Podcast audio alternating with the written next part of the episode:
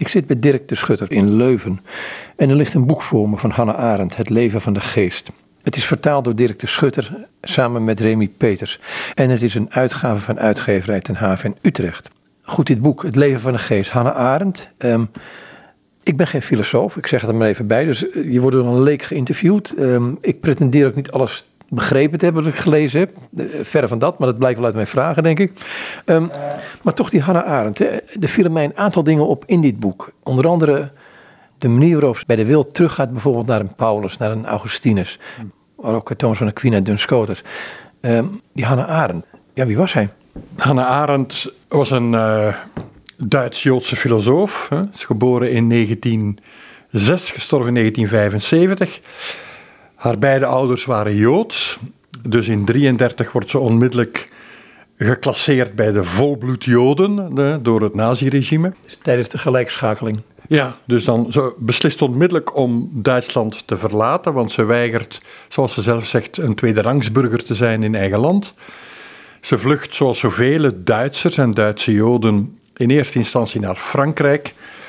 Als de Tweede Wereldoorlog begint, in eh, september 39 wordt ze plots in Frankrijk een staatsvijand. Is ze niet langer een Jodin, maar een Duitse. En daar komt ze dan ook in een kamp terecht. En wordt ze opgesloten door het Vichy-regime. Maar goed, we kunnen daar veel over vertellen, maar uiteindelijk slaagt ze erin in 1941 om vanuit Lissabon te vluchten naar New York. Dus ze vlucht door het Spanje van Franco en het Portugal van Salazar naar, Port, naar Lissabon en ze neemt daar de boot naar New York.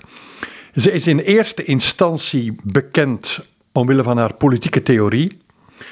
Ze is weggevlucht uit uh, Duitsland en eigenlijk was ze gedegoteerd door het academische milieu. Ja, heeft ze gezworen dat ze niet meer aan filosofie zou doen en dat ze, zei het uh, academische, het universitaire leven, zei ze vaarwel. Maar het bloed gaat waar het niet kruipen kan natuurlijk. En uh, heel snel beslist ze dat ze toch wil, zoals ze zelf zegt, ik wil begrijpen wat er gebeurt. Alleen begrijpt ze op dat moment ook dat de traditionele filosofie haar daar nauwelijks in helpt. De traditionele filosofie heeft eigenlijk de politieke theorie, sinds Plato, de politieke theorie stiefmoederlijk behandeld. En vooral nagedacht over alle mogelijke mentale activiteiten. Activiteiten dus waarbij wij de neiging hebben om ons uit de wereld terug te trekken. Terwijl politiek precies die activiteit is waarbij wij ons met de wereld verbinden, een engagement met de wereld aangaan.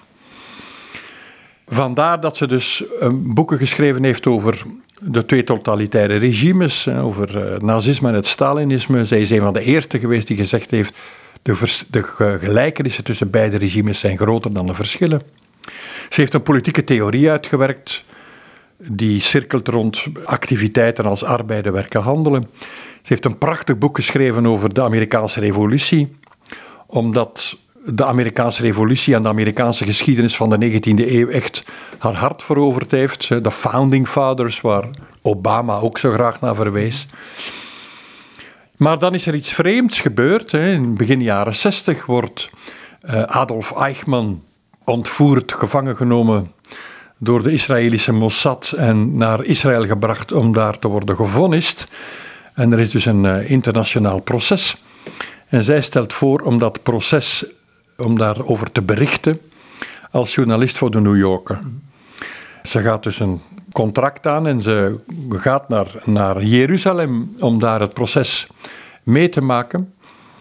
En wat ze ziet, wat ze meent te zien, wat ze ziet, uh, verbaast haar zelf, namelijk ze ziet iemand die verantwoordelijk is voor, laten we zeggen, de meest monsterlijke en meest duivelse misdaden ooit gepleegd, maar ze ziet geen monster. Ze ziet een banaal, een banale man. Ein Hanswurst schrijft ze in het Duits, in het Engels een clown, een paljas.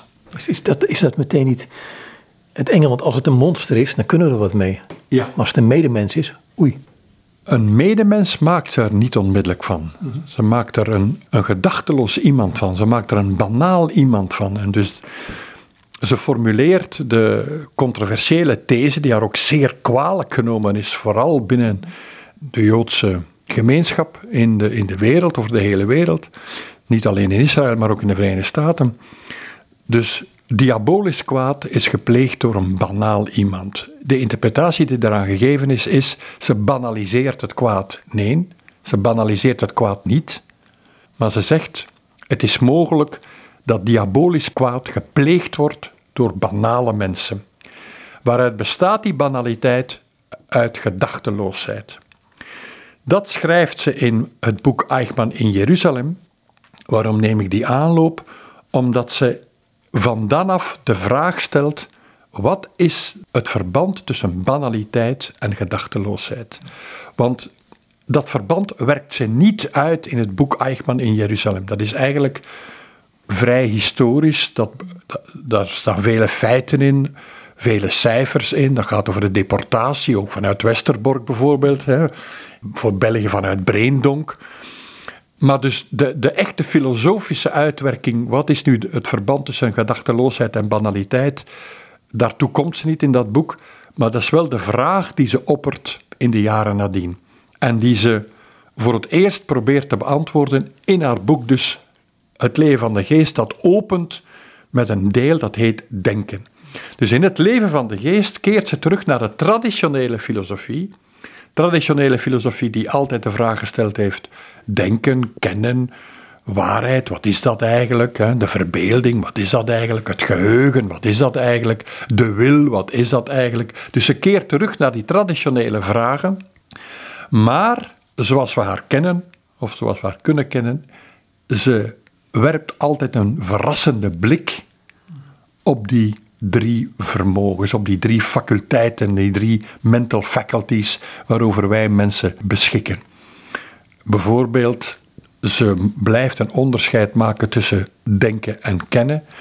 Denken is bij haar ook geen zoektocht naar waarheid bijvoorbeeld, maar is een zoektocht naar betekenis. Ja, vandaar dat denken zich niet alleen afspeelt in filosofie, maar dat denken zich ook afspeelt in literatuur, in romanverhalen, in poëzie en zich ook nog eens elders kan afspelen.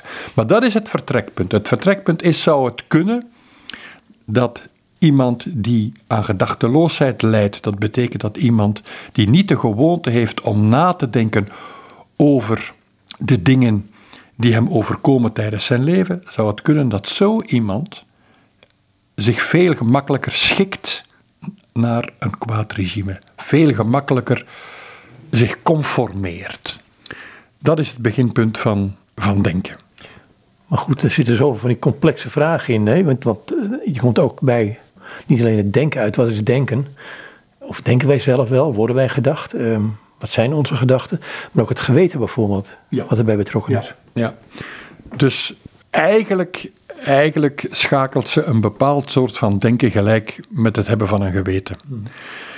Dus denken, dat ontleent ze aan, aan Plato en Socrates. Denken stelt ons in staat om aanwezig te zijn bij onszelf. Plato en Aristoteles zeggen: wie denkt, wordt de vriend van zichzelf. Dan ben je de vriend van jezelf. Je bent in gezelschap van jezelf. Met andere woorden, denken, in tegenstelling tot willen, sticht een harmonie tussen mij en mijzelf. Dat is voor het eerst tot uiting gekomen bij Plato of bij Socrates. Plato legt die woorden in de mond van Socrates. We weten dat die verhouding is duister en we weten niet precies wat Socrates gezegd heeft of niet gezegd heeft. Maar uh, denken is een van de fundamentele principes van denken is het principe van niet-contradictie. Je kan niet tegelijkertijd zeggen dat iets wit is en dat iets niet wit is. Heel snel is dat geworden tot een logisch principe. Maar aanvankelijk was dat niet alleen een logisch principe, maar ook een ethisch principe. Wie denkt, wie echt denkt, kan zichzelf niet tegenspreken. Bij Socrates gaat dat nog verder, namelijk wie echt denkt, zal zich onthouden van het kwaad. Want als je kwaad pleegt, moet je nadien samenleven met een, met een boosdoener. Ja? Ben jezelf. Ja, met jezelf als boosdoener. Dus de schitterende vondst die Arendt ontdekt, want het is een hele originele lectuur van Plato. Maar wat ze ontdekt bij Plato is het dat het geweten ontstaat in het denken. Met andere woorden, je zou kunnen zeggen in de westerse cultuur, je hebt een Joodse traditie, waarbij de tien geboden ons opgelegd worden door Yahweh en waarbij die tien geboden ons eigenlijk van buitenaf aangereikt worden. Arendt ontdekt een Griekse traditie bij Plato, waarbij het geweten ontstaat niet doordat ons iets verboden wordt van buitenaf, maar doordat we in onszelf een principe ontdekken. Als ik zware misdrijven pleeg, als ik een moordenaar word of als ik een verkrachter word, dan moet ik wel voor de rest van mijn leven samenleven met een moordenaar en met, een, met mezelf als moordenaar of als verkrachter. Dat kan ik alleen als ik stop met denken. Want je kan, je kan het gezelschap van iedereen ontvluchten, behalve het gezelschap van jezelf. Het gezelschap van jezelf kun je alleen ontvluchten, zegt Arendt, als je stopt met denken. Want denken brengt je in gezelschap met jezelf. Toch een ander ding. Um, want dit klinkt bijna als je moet dus iets ervaren, wil je het geweten daarin uh, activeren. Dus berouw hem naar de zon, kan ik ook zeggen. Maar kan het geweten gevoed worden en gevormd worden? Absoluut. Het kan gevoed worden in de opvoeding als je de aansporing krijgt door mensen die je opvoeden, je ouders of anderen, om na te denken over wat er gebeurt. En je kan het zelf natuurlijk ook ja, voeden, je kan, je kan er je in oefenen. Belangrijk is bij Arend dus dat denken gebeurt met betrekking tot dingen die gebeuren in je leven. Met andere woorden, het gaat niet in eerste instantie over moeilijke begrippen als rechtvaardigheid, wat is dat eigenlijk? Of schoonheid, wat is dat eigenlijk? Het gaat over hele, de hele gewone dingen die gebeuren in je leven. Met andere woorden, Arendt zegt ook, en daarin is ze een, een leerling van Kant, ieder van ons is in staat om na te denken. Dat is een gedachte van Kant. Hè. Kant schrijft in zijn opstel over de verlichting, was is Aufklärung. De verlichting is die beweging die ons emancipeert, die ons ontvoogt van opgelegde oordelen, van bijgeloof, van vooroordelen enzovoort. Hoe, hoe, komen we daartoe? Door zelf te denken. Arendt is, die al op hele jonge leeftijd, ze was 15 jaar toen ze de kritiek der Reine vernoemd las, en je zou kunnen zeggen dat heel dit boek, Het Leven van de Geest, de stempel van Kant draagt. Hè. Denken, willen, is op een bepaalde manier een, een, een commentaar op de, de tweede kritiek van Kant, een kritiek der praktischen vernoemd. En dan oordelen is natuurlijk een commentaar op de derde kritiek van Kant, kritiek der oertuigskracht. Maar waar ze Kant ook in volgt, is in die gedachte dus dat wij mensen in staat zijn om zelf te denken. En bij Arendt gaat het nog verder. Als we volwaardig mens willen zijn, worden we eigenlijk opgeroepen om na te denken. Eichmann heeft dat verzuimd. De grootte van nalatigheid van Eichmann bestaat erin dat hij zich nooit afgevraagd heeft: waar ben ik eigenlijk mee bezig? Dat is haar interpretatie. Arendt heeft veel kritiek gekregen omdat ze Eichmann beschuldigd heeft van gedachteloosheid. En velen hebben nadien gezegd, ja, maar hij heeft wel nagedacht. Hij was een overtuigde nazi en uh, in, in Argentinië in de jaren 50 is hij blijven zeggen dat hij het jammer vond dat niet alle Joden uitgeroeid waren enzovoort. En dat hij nu rekende op bijvoorbeeld uh, moslimlanden om de klus te klaren en af te werken en dergelijke dingen meer. Die mensen zeggen, daaraan zie je dat hij wel heeft nagedacht. Niet voor Arendt. Het is niet omdat je geobsedeerd bent of een riedeltje afdraait, dat je nadenkt. Dan ben je geobsedeerd, dan heb je een dwangvoorstelling, dat is iets helemaal anders.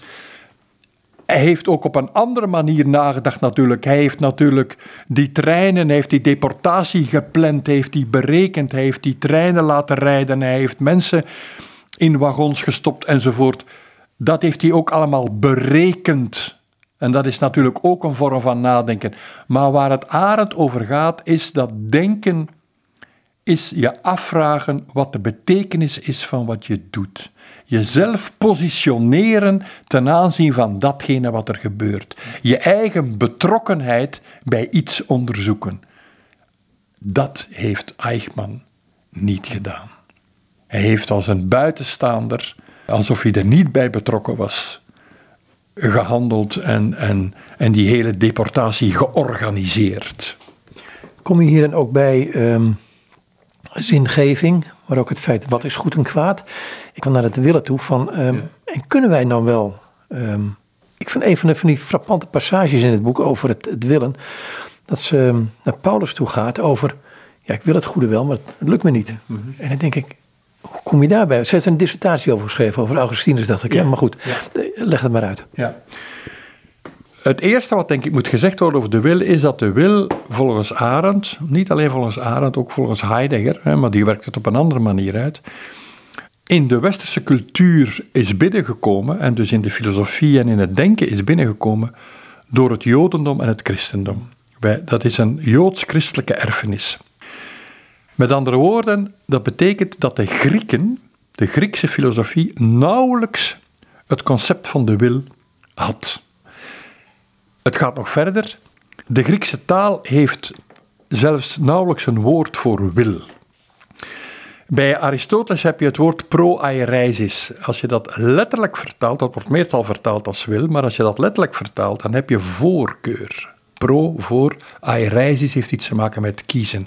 Met andere woorden, wat je bij Aristoteles hebt is, als je iets wil bereiken, dan kies je uit twee verschillende of uit drie verschillende middelen. Dat is de wil bij Aristoteles. Maar het is een heel embryonaal concept van de wil. Dat verandert dus in het christendom bij Paulus. Paulus waarvan we weten dat die brieven de oudst bewaarde christelijke geschriften zijn. Die eerste brieven zijn geschreven rond het jaar 50. Maar bij Paulus krijg je als het ware een theologische interpretatie van het leven van Jezus. Hij schrijft dus brieven, onder meer aan de Romeinen, de fameuze brief aan de Romeinen, die, die, die zo belangrijk geweest is ook voor Karl Barth enzovoort. Hè. En in de brief aan de Romeinen merkt hij op, Paulus, die toch ook altijd nu en dan wat, wat existentialistische, zal ik maar zeggen, of heel existentieel geïnspireerde observaties maakt. Paulus zegt, hoe komt dat toch? Ik wil het goede en ik doe het kwade. Van waar die gespletenheid? En hij legt die gespletenheid uit uh, door te zeggen uh, dat komt door het vlees. Ja? Het vlees is zwak. Het is het vlees dat ons het kwade doet, laat doen en dat weerstaat aan de, de wil van de geest. Die interpretatie blijft doorwerken en komt terecht bij Augustinus. Augustinus die de, de, misschien wel de grootste filosoof is van het christendom. Hè? Ook natuurlijk een, een, een Romein, opgegroeid binnen het Romeinse Rijk.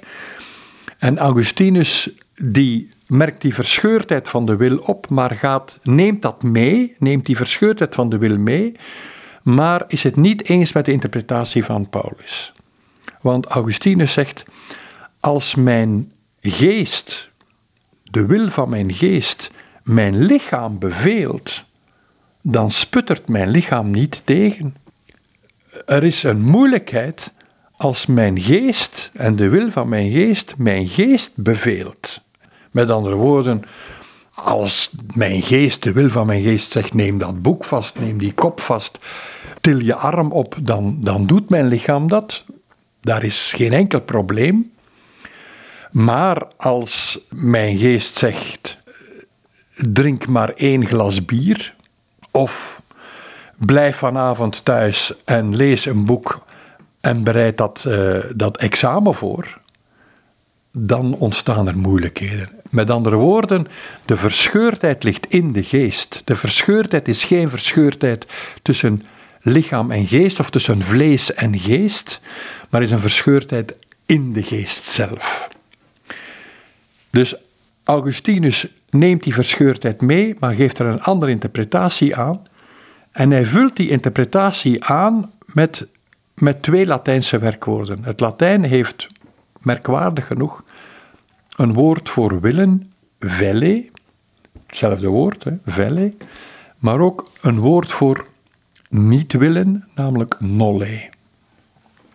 Niet willen moet je heel goed begrijpen. Niet willen duidt niet op een afwezigheid van de wil, maar niet willen duidt op een wil die tegenstribbelt. Het is een tegenwil. Het is een onwil maar een onwil, opnieuw, die niet duidt op een afwezigheid van wil, maar op een wil die weerstand biedt. Je hebt in het Nederlands ook wel het woord weerwil, een weerwil van, een tegenwil, een onwil. Wij hebben, om iets over de vertaling te zeggen, wij hebben in onze vertaling, zoals Arendt gebruikt, Arendt gebruikt in het Engels de woorden to will en to nil. En wij hebben in onze vertaling willen en nillen gebruikt omdat je in het Nederlands een merkwaardige uitdrukking hebt, willens, nillens. Hij doet het willens, nillens, zoals je in het Engels de uitdrukking hebt, willy-nilly. Dus nillen is niet willen, maar niet willen in de uitdrukkelijke betekenis van een onwil. Gedreven worden door een onwil, door een tegenwil. Met andere woorden, wat Augustinus ontdekt, is dat de wil ons inderdaad verscheurt, omdat elke wil een tegenwil oproept. Met andere woorden, als de wil mij beveelt, studeer nu voor dat examen, dan word ik tegelijkertijd geplaagd door de onwil om dat te doen en word ik verscheurd. Dus Arend zegt in denken, denken laat ons aanwezig zijn bij onszelf, stelt ons in staat om de vriend te zijn van onszelf, stelt ons in staat om in harmonie te leven met onszelf.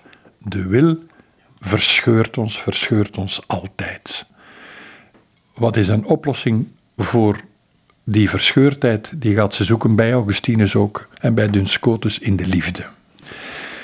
Maar belangrijker misschien nog is dat Arendt een heel boek schrijft over willen in een enorme traditie van de, van de westerse filosofie, die dus begint bij het christendom en dan Augustinus, die eindigt in de 19e eeuw.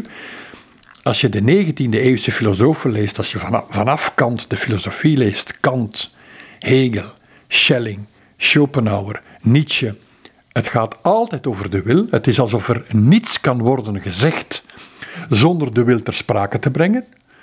In enorm contrast dus met de Griekse filosofie, die niet alleen nagedacht heeft over waarheid, maar die ook een politieke theorie heeft uitgewerkt bij Aristoteles, die een ethica nicomacheia heeft uitgewerkt enzovoort.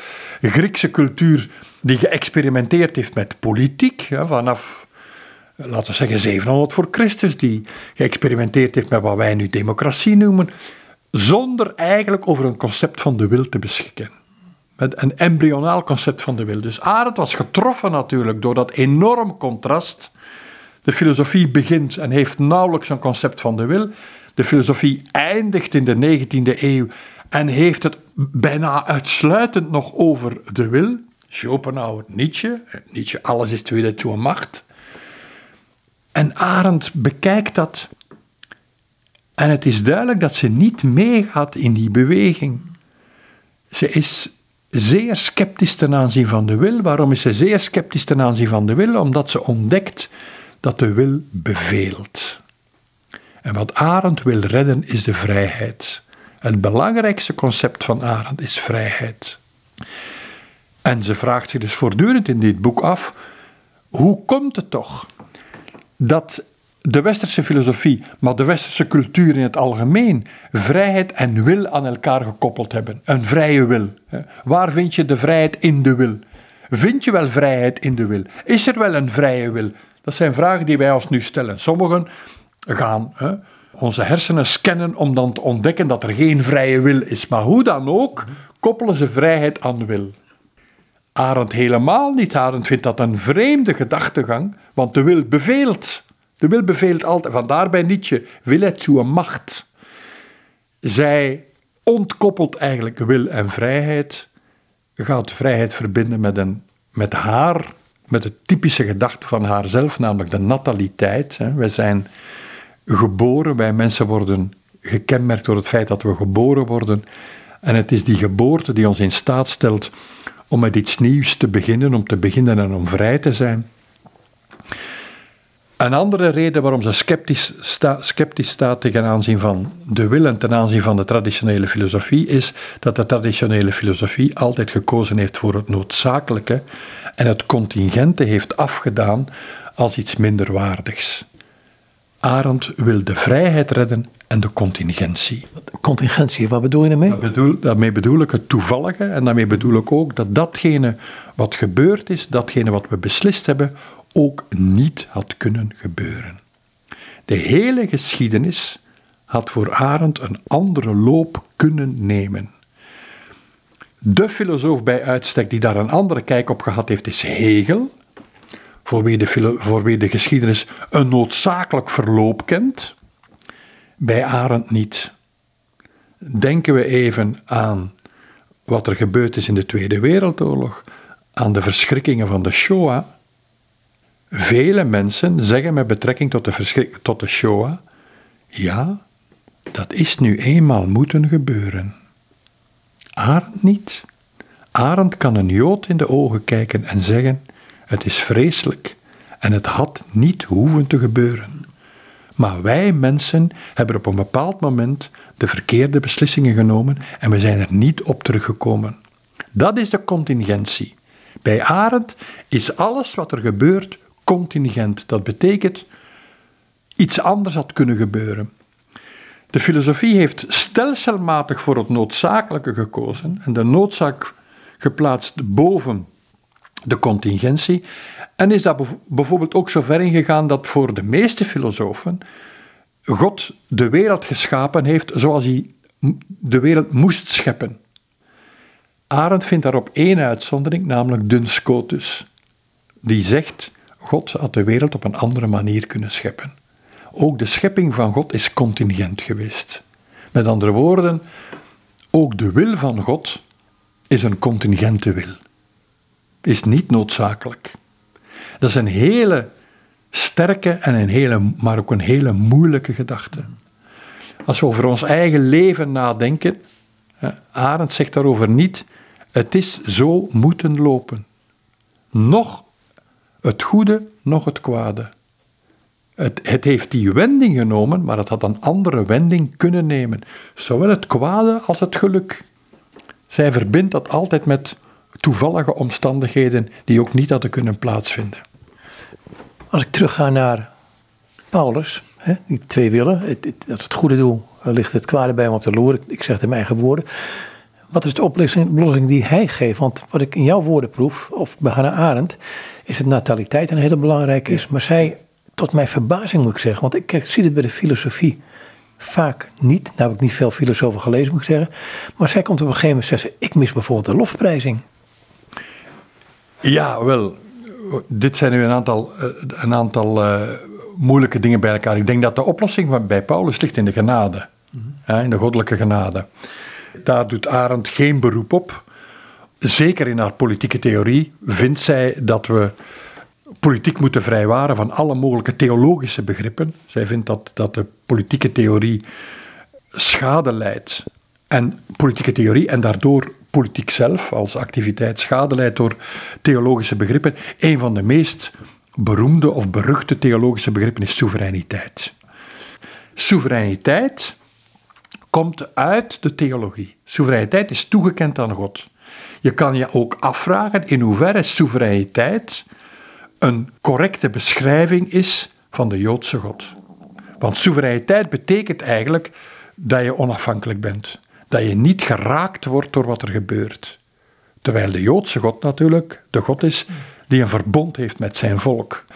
Terwijl ook de christelijke God eigenlijk een vader is die geraakt wordt door wat zijn kinderen overkomt. Dus die soevereiniteit komt is, is op, een, op een vreemde manier de theologie binnengewaaid en is vandaar dan, doordat men ervan uitging dat de macht of het gezag van de koning van God kwam, uh, en is vandaar dus binnen de politiek terechtgekomen. Arend gruwt daarvan. Arend gruwt van het begrip soevereiniteit, zegt altijd opnieuw: vrijheid en soevereiniteit zijn absoluut niet hetzelfde. Waarom niet? Omdat soevereiniteit een soort onafhankelijkheid, een, soort onaantastbaarheid veronderstelt en vrijheid altijd gebeurt samen in een samenleving. Vrijheid en engagement gaan samen. Maar jij had het ook over, over de lofprijzing. Die is er en die is er. Ze verwondert zich over het feit dat die uh, geleidelijk aan verloren gegaan is in de filosofie, want die, ze ziet die wel bij Plato, uh, namelijk in de vorm van de verwondering. Plato zegt, de, de, het denken, de filosofie ontstaat uit de verwondering. Hè? Tot taumat zijn. En, de, en die verwondering gaat dus samen bij de Grieken, doordat de Griekse filosofen eigenlijk uh, het geheel der dingen opvatten als, als mooi, als schoon, een kosmos. Een kosmos. Kosmos in het oude Grieks betekent sieraad. Dus je moet, je moet je het volgende voorstellen. De filosofen Plato en Aristoteles formuleren een filosofische taal en willen in hun filosofische taal een aantal dingen ter sprake brengen en moeten dat natuurlijk doen met de bestaande Griekse taal. Ze ontlenen aan de bestaande Griekse taal het woord kosmos, wat eigenlijk sieraad betekent, wat nog altijd voortleeft in ons woord cosmetica. Je, je mooi maken. Hè? Ons niet zo gegeven meer, hè? ons, ons oude mannen bedoel je? Ja? Nou ja, ons oude mannen moeten oud zijn, zo is het. ja. Maar dus wat daarin nog altijd voortleeft, en ze ontleden dus dat woord kosmos om te spreken over het geheel der dingen. Met andere woorden, het geheel der dingen is een sieraad, is iets moois, is iets harmonieus, waarover we ons kunnen verwonderen en dat we ook kunnen bewonderen. Filosofie ontstaat op die manier. Geleidelijk aan ziet inderdaad Arendt dat verdwijnen in, in de filosofie, of het belang daarvan verdwijnen in de filosofie, terwijl ze dat bij, bij sommige dichters nog altijd aantreft. Hè. Bij iemand als Rilke, ook bij de Engelse dichter Auden ziet ze dat nog. Je zou kunnen zeggen dat het op een bepaalde manier ook terugkomt uh, bij, bij de late Heidegger uit de jaren 50, voor wie denken en danken samengaan. Hè. Denken is een soort van danken. Ik wil toch even naar die Heidegger toe gaan. Hè? Dat, dat, uh, want die wordt over het algemeen als uh, nazi-sympathisant gezien. Uh, hoe keek zij er tegen en hoe was zij, als je dat kort kunt uitleggen? Kort uitleggen is heel moeilijk. Ze heeft Ja, dat begrijp ik van de filosoof, maar toch. Ja. Ze heeft natuurlijk in eerste instantie gebroken met Heidegger. Ik heb daarnet gezegd dat ze in 1933 Duitsland ontvlucht is en dat ze gedegoteerd was door het academische milieu. Ze was, tot dat academische milieu behoorde uiteraard Heidegger, die in 1933 aanvaardt om rector te worden van de Universiteit van Freiburg. En dus in april 33, nadat Hitler in uh, eind januari, begin februari uh, rijkskanselier geworden is.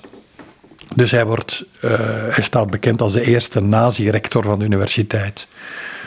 Wat minder bekend is, is dat hij na tien maanden zijn ambt heeft neergelegd. In februari 34 legt hij zijn ambt neer, omdat hij ziet dat hij niks betekent als rector. Dat hij eigenlijk alleen maar de nazi-bevelen mag uitvoeren en dat zinde hem toch niet. Onder meer de boekenverbranding zinde hem toch niet. Ik zelf vind dat er nogal wat mensen zijn die de collaboratie van Heidegger overdrijven. Uh, en dat we daar genuanceerder moeten leren over nadenken. Het is ook een collaboratie die in 33 heeft plaatsgevonden, niet in 38, niet na de Kristalnacht. Uh, laat staan niet in 41, niet na de Wanzee. Hè? Maar het is in elk geval zo dat, dat Arendt, die dus wegloopt, vlucht uit Duitsland, Heidegger in eerste instantie ook vervloekt. Ze, heeft daar, ze is daar later uh, op teruggekomen. We kunnen ons dat nauwelijks nog voorstellen natuurlijk in deze tijd van, van e-mails en van WhatsApp-berichten. Maar toen, uh, zij vlucht weg in 1933 uit Duitsland. In 50 ziet ze Heidegger terug. Die hadden elkaar 17 jaar lang mhm. niet alleen niet gezien, maar ook niet gesproken natuurlijk wisten nauwelijks nog of de ander nog leefde en dergelijke dingen meer. Dus zij is daar wel op teruggekomen. Ze is die, ze, vanaf 50 ontstaat er weer een vriendschap met Heidegger. Ze is in staat geweest om, om die misstap van Heidegger te vergeven. Uh, en ze heeft natuurlijk ook beseft dat ze heel veel aan hem te danken heeft, gewoon als, als filosoof. In 69, als Heidegger 80 jaar oud wordt, schrijft ze een prachtige tekst over Heidegger, waarin ze hem de, de koning van het denken noemt en tegelijkertijd zegt, maar het is misschien dat denken dat hem ook vervreemd heeft van uh, wat er zich heeft voorgedaan in Duitsland. Met andere woorden, wat ze Heidegger in elk geval blijft ten laste leggen, is dat hij niet in staat was om een juist oordeel te vellen. Dat hij over die politieke over dat politieke vermogen, over die politieke eigenschap par excellence niet beschikte. Onder meer omdat hij eigenlijk zich altijd terugtrok in de eenzaamheid van het denken en in de eenzaamheid van zijn fameuze blokhut. Terug naar Hannah Arendt. Ehm, je hebt over het willen, het denken. Um, er kwam op een gegeven moment het woordje liefde naar voren, liefde naar voren toe. Want dat was voor haar de oplossing. Kun je het koppelen aan vergeving en oordelen? Absoluut, absoluut. Dus waar Arendt altijd naar op zoek gaat, is naar een activiteit die in zichzelf rust. Een activiteit die geen doel heeft buiten zichzelf. Als we het over activiteiten hebben, activiteiten die, die ze beschrijft in het boek eh, De menselijke conditie, waar ze het dus over, laten we zeggen, praktische activiteiten heeft, maakt ze een onderscheid tussen werken en handelen. Werken is altijd gericht op een uitwendig doel. Je maakt een tafel waarop is het maken van een tafel gericht op de tafel. En wanneer stopt het werken? Als de tafel af is. Ja? Handelen is waardevol omwille van zichzelf, draagt het doel in zichzelf, gebeurt niet omwille van iets anders, omwille van iets uitwendigs. En dat is voor haar dan ook de, de, hoogste, de hoogste activiteit.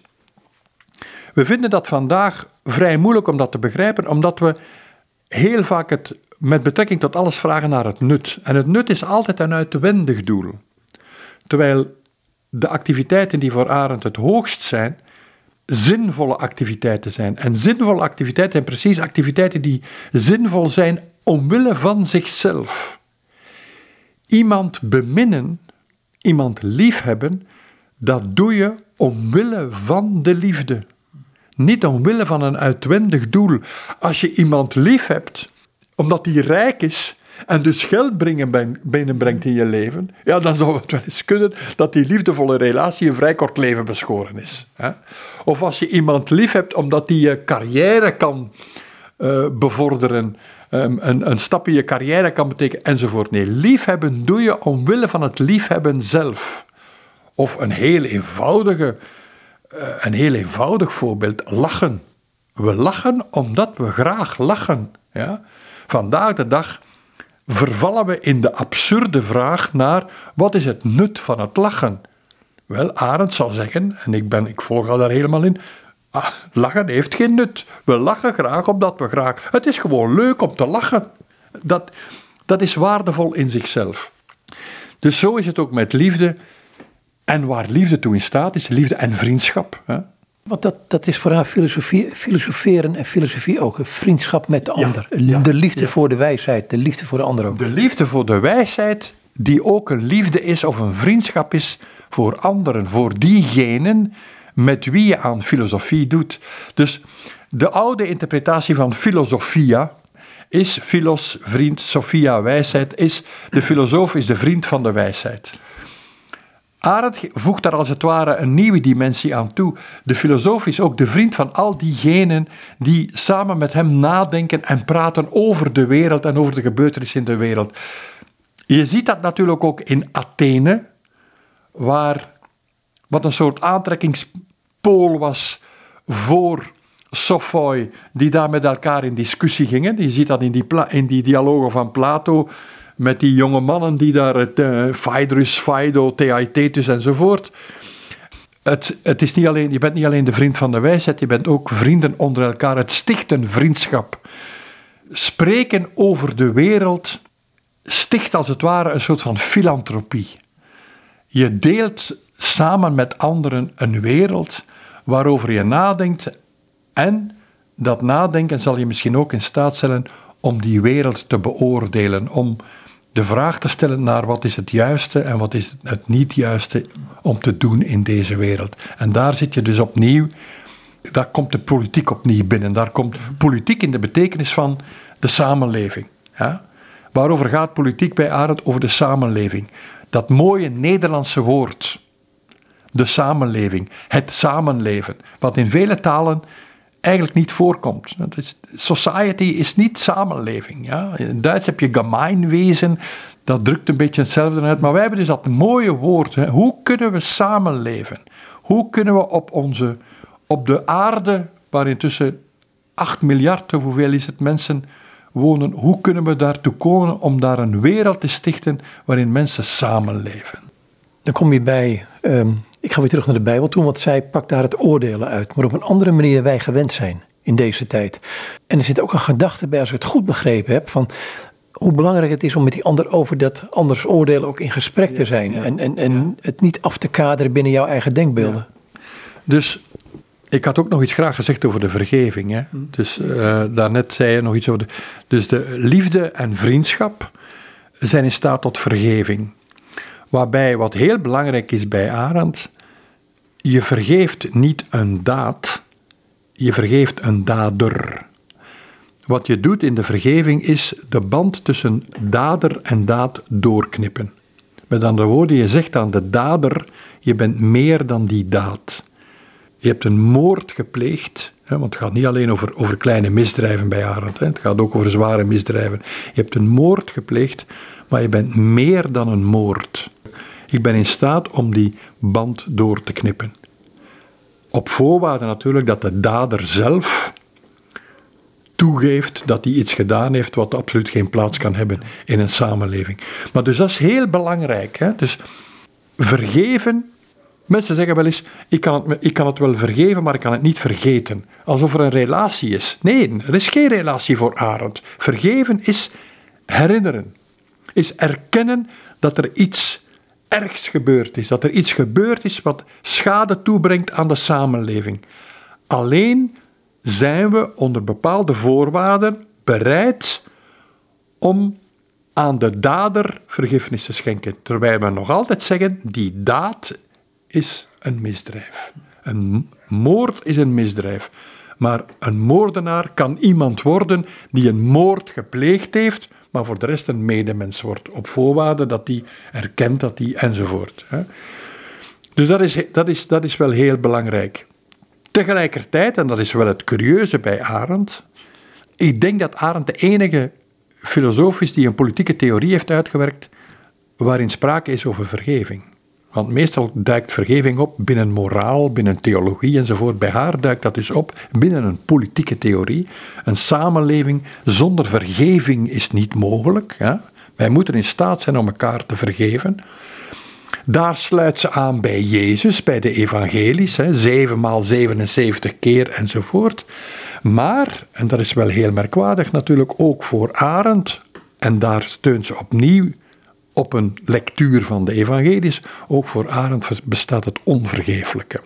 Ze beroept zich op de fameuze uitspraak van Jezus, het waren beter, wie, wie kwaad doet aan een van deze kleinen, het waren beter voor hem om met een molensteen om de hals in het diepste van de zee te verdwijnen. Met andere woorden, dat is iets onvergeeflijks. Bij Arend, denk daarbij natuurlijk aan wat er gebeurd is aan de genocide die plaatsgevonden heeft in de Tweede Wereldoorlog. Dat blijft voor haar onvergeeflijk. Eichmann wordt er dood veroordeeld in uh, Jeruzalem, in uh, het proces in Jeruzalem. En Arendt stemt in met de ter dood veroordeling. Therefore you must hang. Ja? Waarom? Omdat Eichmann op geen enkel moment recht staat en zegt: Ik ben verantwoordelijk. En als je dus weet dat voor Arendt de daad niet vergeven wordt, maar de dader, dan kan aan Eichmann geen vergiffenis geschonken worden, want hij presenteert zich niet als dader. Hij, hij probeert alleen maar zijn verantwoordelijkheid af te wentelen. De vrijheid van meningsuiting is iets waar wij nog altijd veel belang aan hechten. Is iets wat we eigenlijk ontlenen aan de Grieken. Want we hebben het over democratie, maar onze democratie verschilt volledig van de Griekse democratie. Maar één ding hebben we gemeen: de vrijheid van meningsuiting. Ook bij de Grieken was er een vrijheid van meningsuiting. De vrijheid van meningsuiting interpreteren wij vaak als de mogelijkheid om onszelf interessant te maken. Kijk eens wat voor geweldig interessant iemand ik ben en luister eens naar het absoluut originele oordeel dat ik met betrekking tot die stand van zaken heb. Bij Arendt is de vrijheid van meningsuiting de uitnodiging om met anderen een oordeel te delen. Laten we op zoek gaan naar dat oordeel dat we met anderen kunnen delen. Want dan komen we tot een samenleving. Met andere woorden, de vrijheid van meningsuiting is niet een soort vrijbrief om jezelf interessant te maken. Nee, het is de uitnodiging om op zoek te gaan naar een mening en een oordeel dat je samen met anderen kan hebben. En op basis daarvan een samenleving te ontwikkelen. Dat gebeurt door een gesprek. Arendt vertrekt, en dat is heel merkwaardig, Arendt vertrekt van de derde kritiek van, van Kant, kritiek der oertuigskracht, die altijd gelezen is natuurlijk en die zich in eerste instantie ook zo presenteert als een boek over esthetica, over kunstfilosofie, waarin Kant het onderscheid maakt tussen het schone, hè, dat, is, dat is en het verhevene, dat is erhabene enzovoort. Het schone, zegt, zegt Kant, interesseert ons alleen als we samenleven met anderen. Dus Kant ontdekt in het schone een, wat hij noemt een, een, een sociaal vermogen, het begin, een kern, een, een embryonaliteit van het sociale. Het voorbeeld dat, dat Kant geeft is, Robinson Crusoe op zijn eiland is niet geïnteresseerd in het schone. Het interesseert ons alleen in een samenleving, samen met anderen. Met andere woorden, de fameuze uitspraak de gustibus et coloribus non disputandum, hè, we discussiëren niet over smaken. Kant zou dat toch nuanceren. We, we, we discussiëren niet over een smaak als die smaak letterlijk iets zegt over datgene wat we proeven. Als ik zeg spruitjes, dat is nu echt het lekkerste, de lekkerste groente die er bestaat. Daarover zullen we niet in discussie gaan. Jij zal misschien zeggen, ik vind van niet, maar we gaan daarover niet discussiëren. Maar de smaak die mij laat zeggen, ik vind Mozart of ik vind Beethoven de grootste componist die ooit geleefd heeft, daarover discussiëren we wel, zegt Kant. Daarover discussiëren we wel. Dat nodigt uit tot discussie. Als de muziek van Beethoven mij echt raakt, waardoor ik zeg, ik vind dat de grootste componist die er bestaat, en jij vindt dat het Wagner is, of jij vindt dat het uh, Chopin is, of, of Shostakovich, dan zullen we daarover in discussie gaan. Precies omdat het ons raakt. We gaan de ander wel proberen te overtuigen. We gaan wel zeggen, ja maar luister eens, luister eens naar deze kantate, wat hij hier doet, enzovoort. Dus bij Kant ontstaat een sociaal gevoel, een, een gevoel van sociabiliteit in de ervaring van het schone. Dat neemt Arend mee. En zij zegt niet alleen in de ervaring van het schone, maar ook in de ervaring van het juiste. Mensen die met elkaar spreken, zijn met elkaar geïnteresseerd, niet alleen in het schone, maar ook in het juiste, het goede, het kwade enzovoort, gaan op zoek naar oordelen. En samen spreken, samen over de wereld spreken, de wereld tot onderwerp van gesprek maken, is voor Arendt filantropie. Filantropie, ja? menslievendheid, letterlijk. Maar het betekent niet hetzelfde als iedereen zijn eigen mening en ach, het maakt dit uit. En ah, de onverschilligheid die, die tegenwoordig zo aanwezig is en, en alles moet maar kunnen. Ja, precies. Nee, nee, het nodigt uit tot gesprek en tot discussie en tot oneenigheid. En zij zou het dus volledig oneens zijn met, met die inderdaad, die, die, de houding waarbij aan iedereen een mening gelaten wordt, is geen houding van, van vrijheid, maar is eigenlijk een houding van onverschilligheid. Het is heel gemakkelijk om, om dat te illustreren. Als ik zeg, alle zwarte, of beter nog, alle negers zijn luierikken, ja, dat is een uitspraak die vraagt om te worden tegengesproken. En de houding die dan zegt, ja, ieder zijn mening, is een laffe houding. Is een houding van onverschilligheid. Is een houding die eigenlijk alleen maar het kwade bestendigt. Nee, het is een houding, het is een, een mening die vraagt om te worden tegengesproken. Een van de dingen die um, is, um, en dat vond ik een heel mooi stuk, is um, op een gegeven moment uh, de afschaffing van de slavernij. Daar schrijft ze een prachtig stuk over. Ja, wel, dat is een hele moeilijke kwestie van van de Amerikaanse Revolutie natuurlijk, eh, waarbij onder meer Jefferson uh, weet dat de Amerikaanse Republiek nog iets te doen staat, namelijk de afschaffing van de slavernij. En dat gebeurt dan in, dat wordt dan helemaal inzet van, van politiek onder, onder Lincoln. En Lincoln die daar hele, hele vreemde eh, dingen zegt, hè? Eh, namelijk de burgeroorlog, waarin de Verenigde Staten terechtgekomen zijn. Hij zegt daarvan, dat zou wel eens de boete kunnen zijn die wij moeten betalen voor de jarenlange onderdrukking van de slaven. Hij gebruikt daar dus een religieus standpunt ook, om de Amerikaanse burgers mee te krijgen in de strijd tegen de, slavernij. Maar Arendt heeft er nog andere dingen over geschreven, namelijk dat wat de Amerikaanse grondwet mist, is een soort verwelkoming opnieuw, een soort zij vraagt als het ware aan de Amerikaanse grondwet dat die zou worden herschreven en dat die, zo, dat die als het ware een soort excuus zou bevatten met betrekking tot de slavernij. Om op die manier aan de, de Afro-Americans duidelijk te maken dat ze wel degelijk volwaardig burger zijn van de Verenigde Staten. Dat, ja, nou, nou trek je wat mij. Ik heb er ooit in een interview gezien en dat vond ze een van de prettige dingen van Amerika, dat je daar burger bent. Ja. En geen, hè? Ja, dat is de reden waarom ze het land omarmd heeft in eerste instantie. En dus in 1941 komt ze toe in de Verenigde Staten en in 1951 wordt ze Amerikaans staatsburger. In eerste instantie omarmt ze echt het land. Uh, haar boek On Revolution is echt een van haar mooiste boeken, waarin ze de Amerikaanse revolutie beschrijft en die afzet tegenover de Franse revolutie en het spijtig vindt dat wij in Europa opgevoed worden met de Franse revolutie, omdat de Franse revolutie in haar ogen en in de ogen van velen natuurlijk mislukt is, geëindigd is in terreur. Maar zolang de Franse revolutie opgevoerd wordt als een soort van modelrevolutie, gaan we ervan uit dat terreur onvermijdelijk tot een revolutie behoort. Terwijl zij de Amerikaanse revolutie naar voren schuift, waarbij er natuurlijk wel ook geweld gepleegd is en er een oorlog gevoerd is, maar de bevrijding is geëindigd in een vrije republiek met een grondwet. De bevrijding is vastgelegd in een grondwet. Uitgerekend datgene wat de Franse revolutie, wat de Fransen niet hebben gekund. De Franse revolutie is van de ene grondwet in de andere gesukkeld. En geen enkele grondwet werd ooit als definitief aanvaard. En daardoor is de Franse revolutie, heeft ze de terreur gekend en dan uiteindelijk de restauratie natuurlijk met Napoleon. Zij schuift de Amerikaanse revolutie naar voren en omarmt het land als een republiek.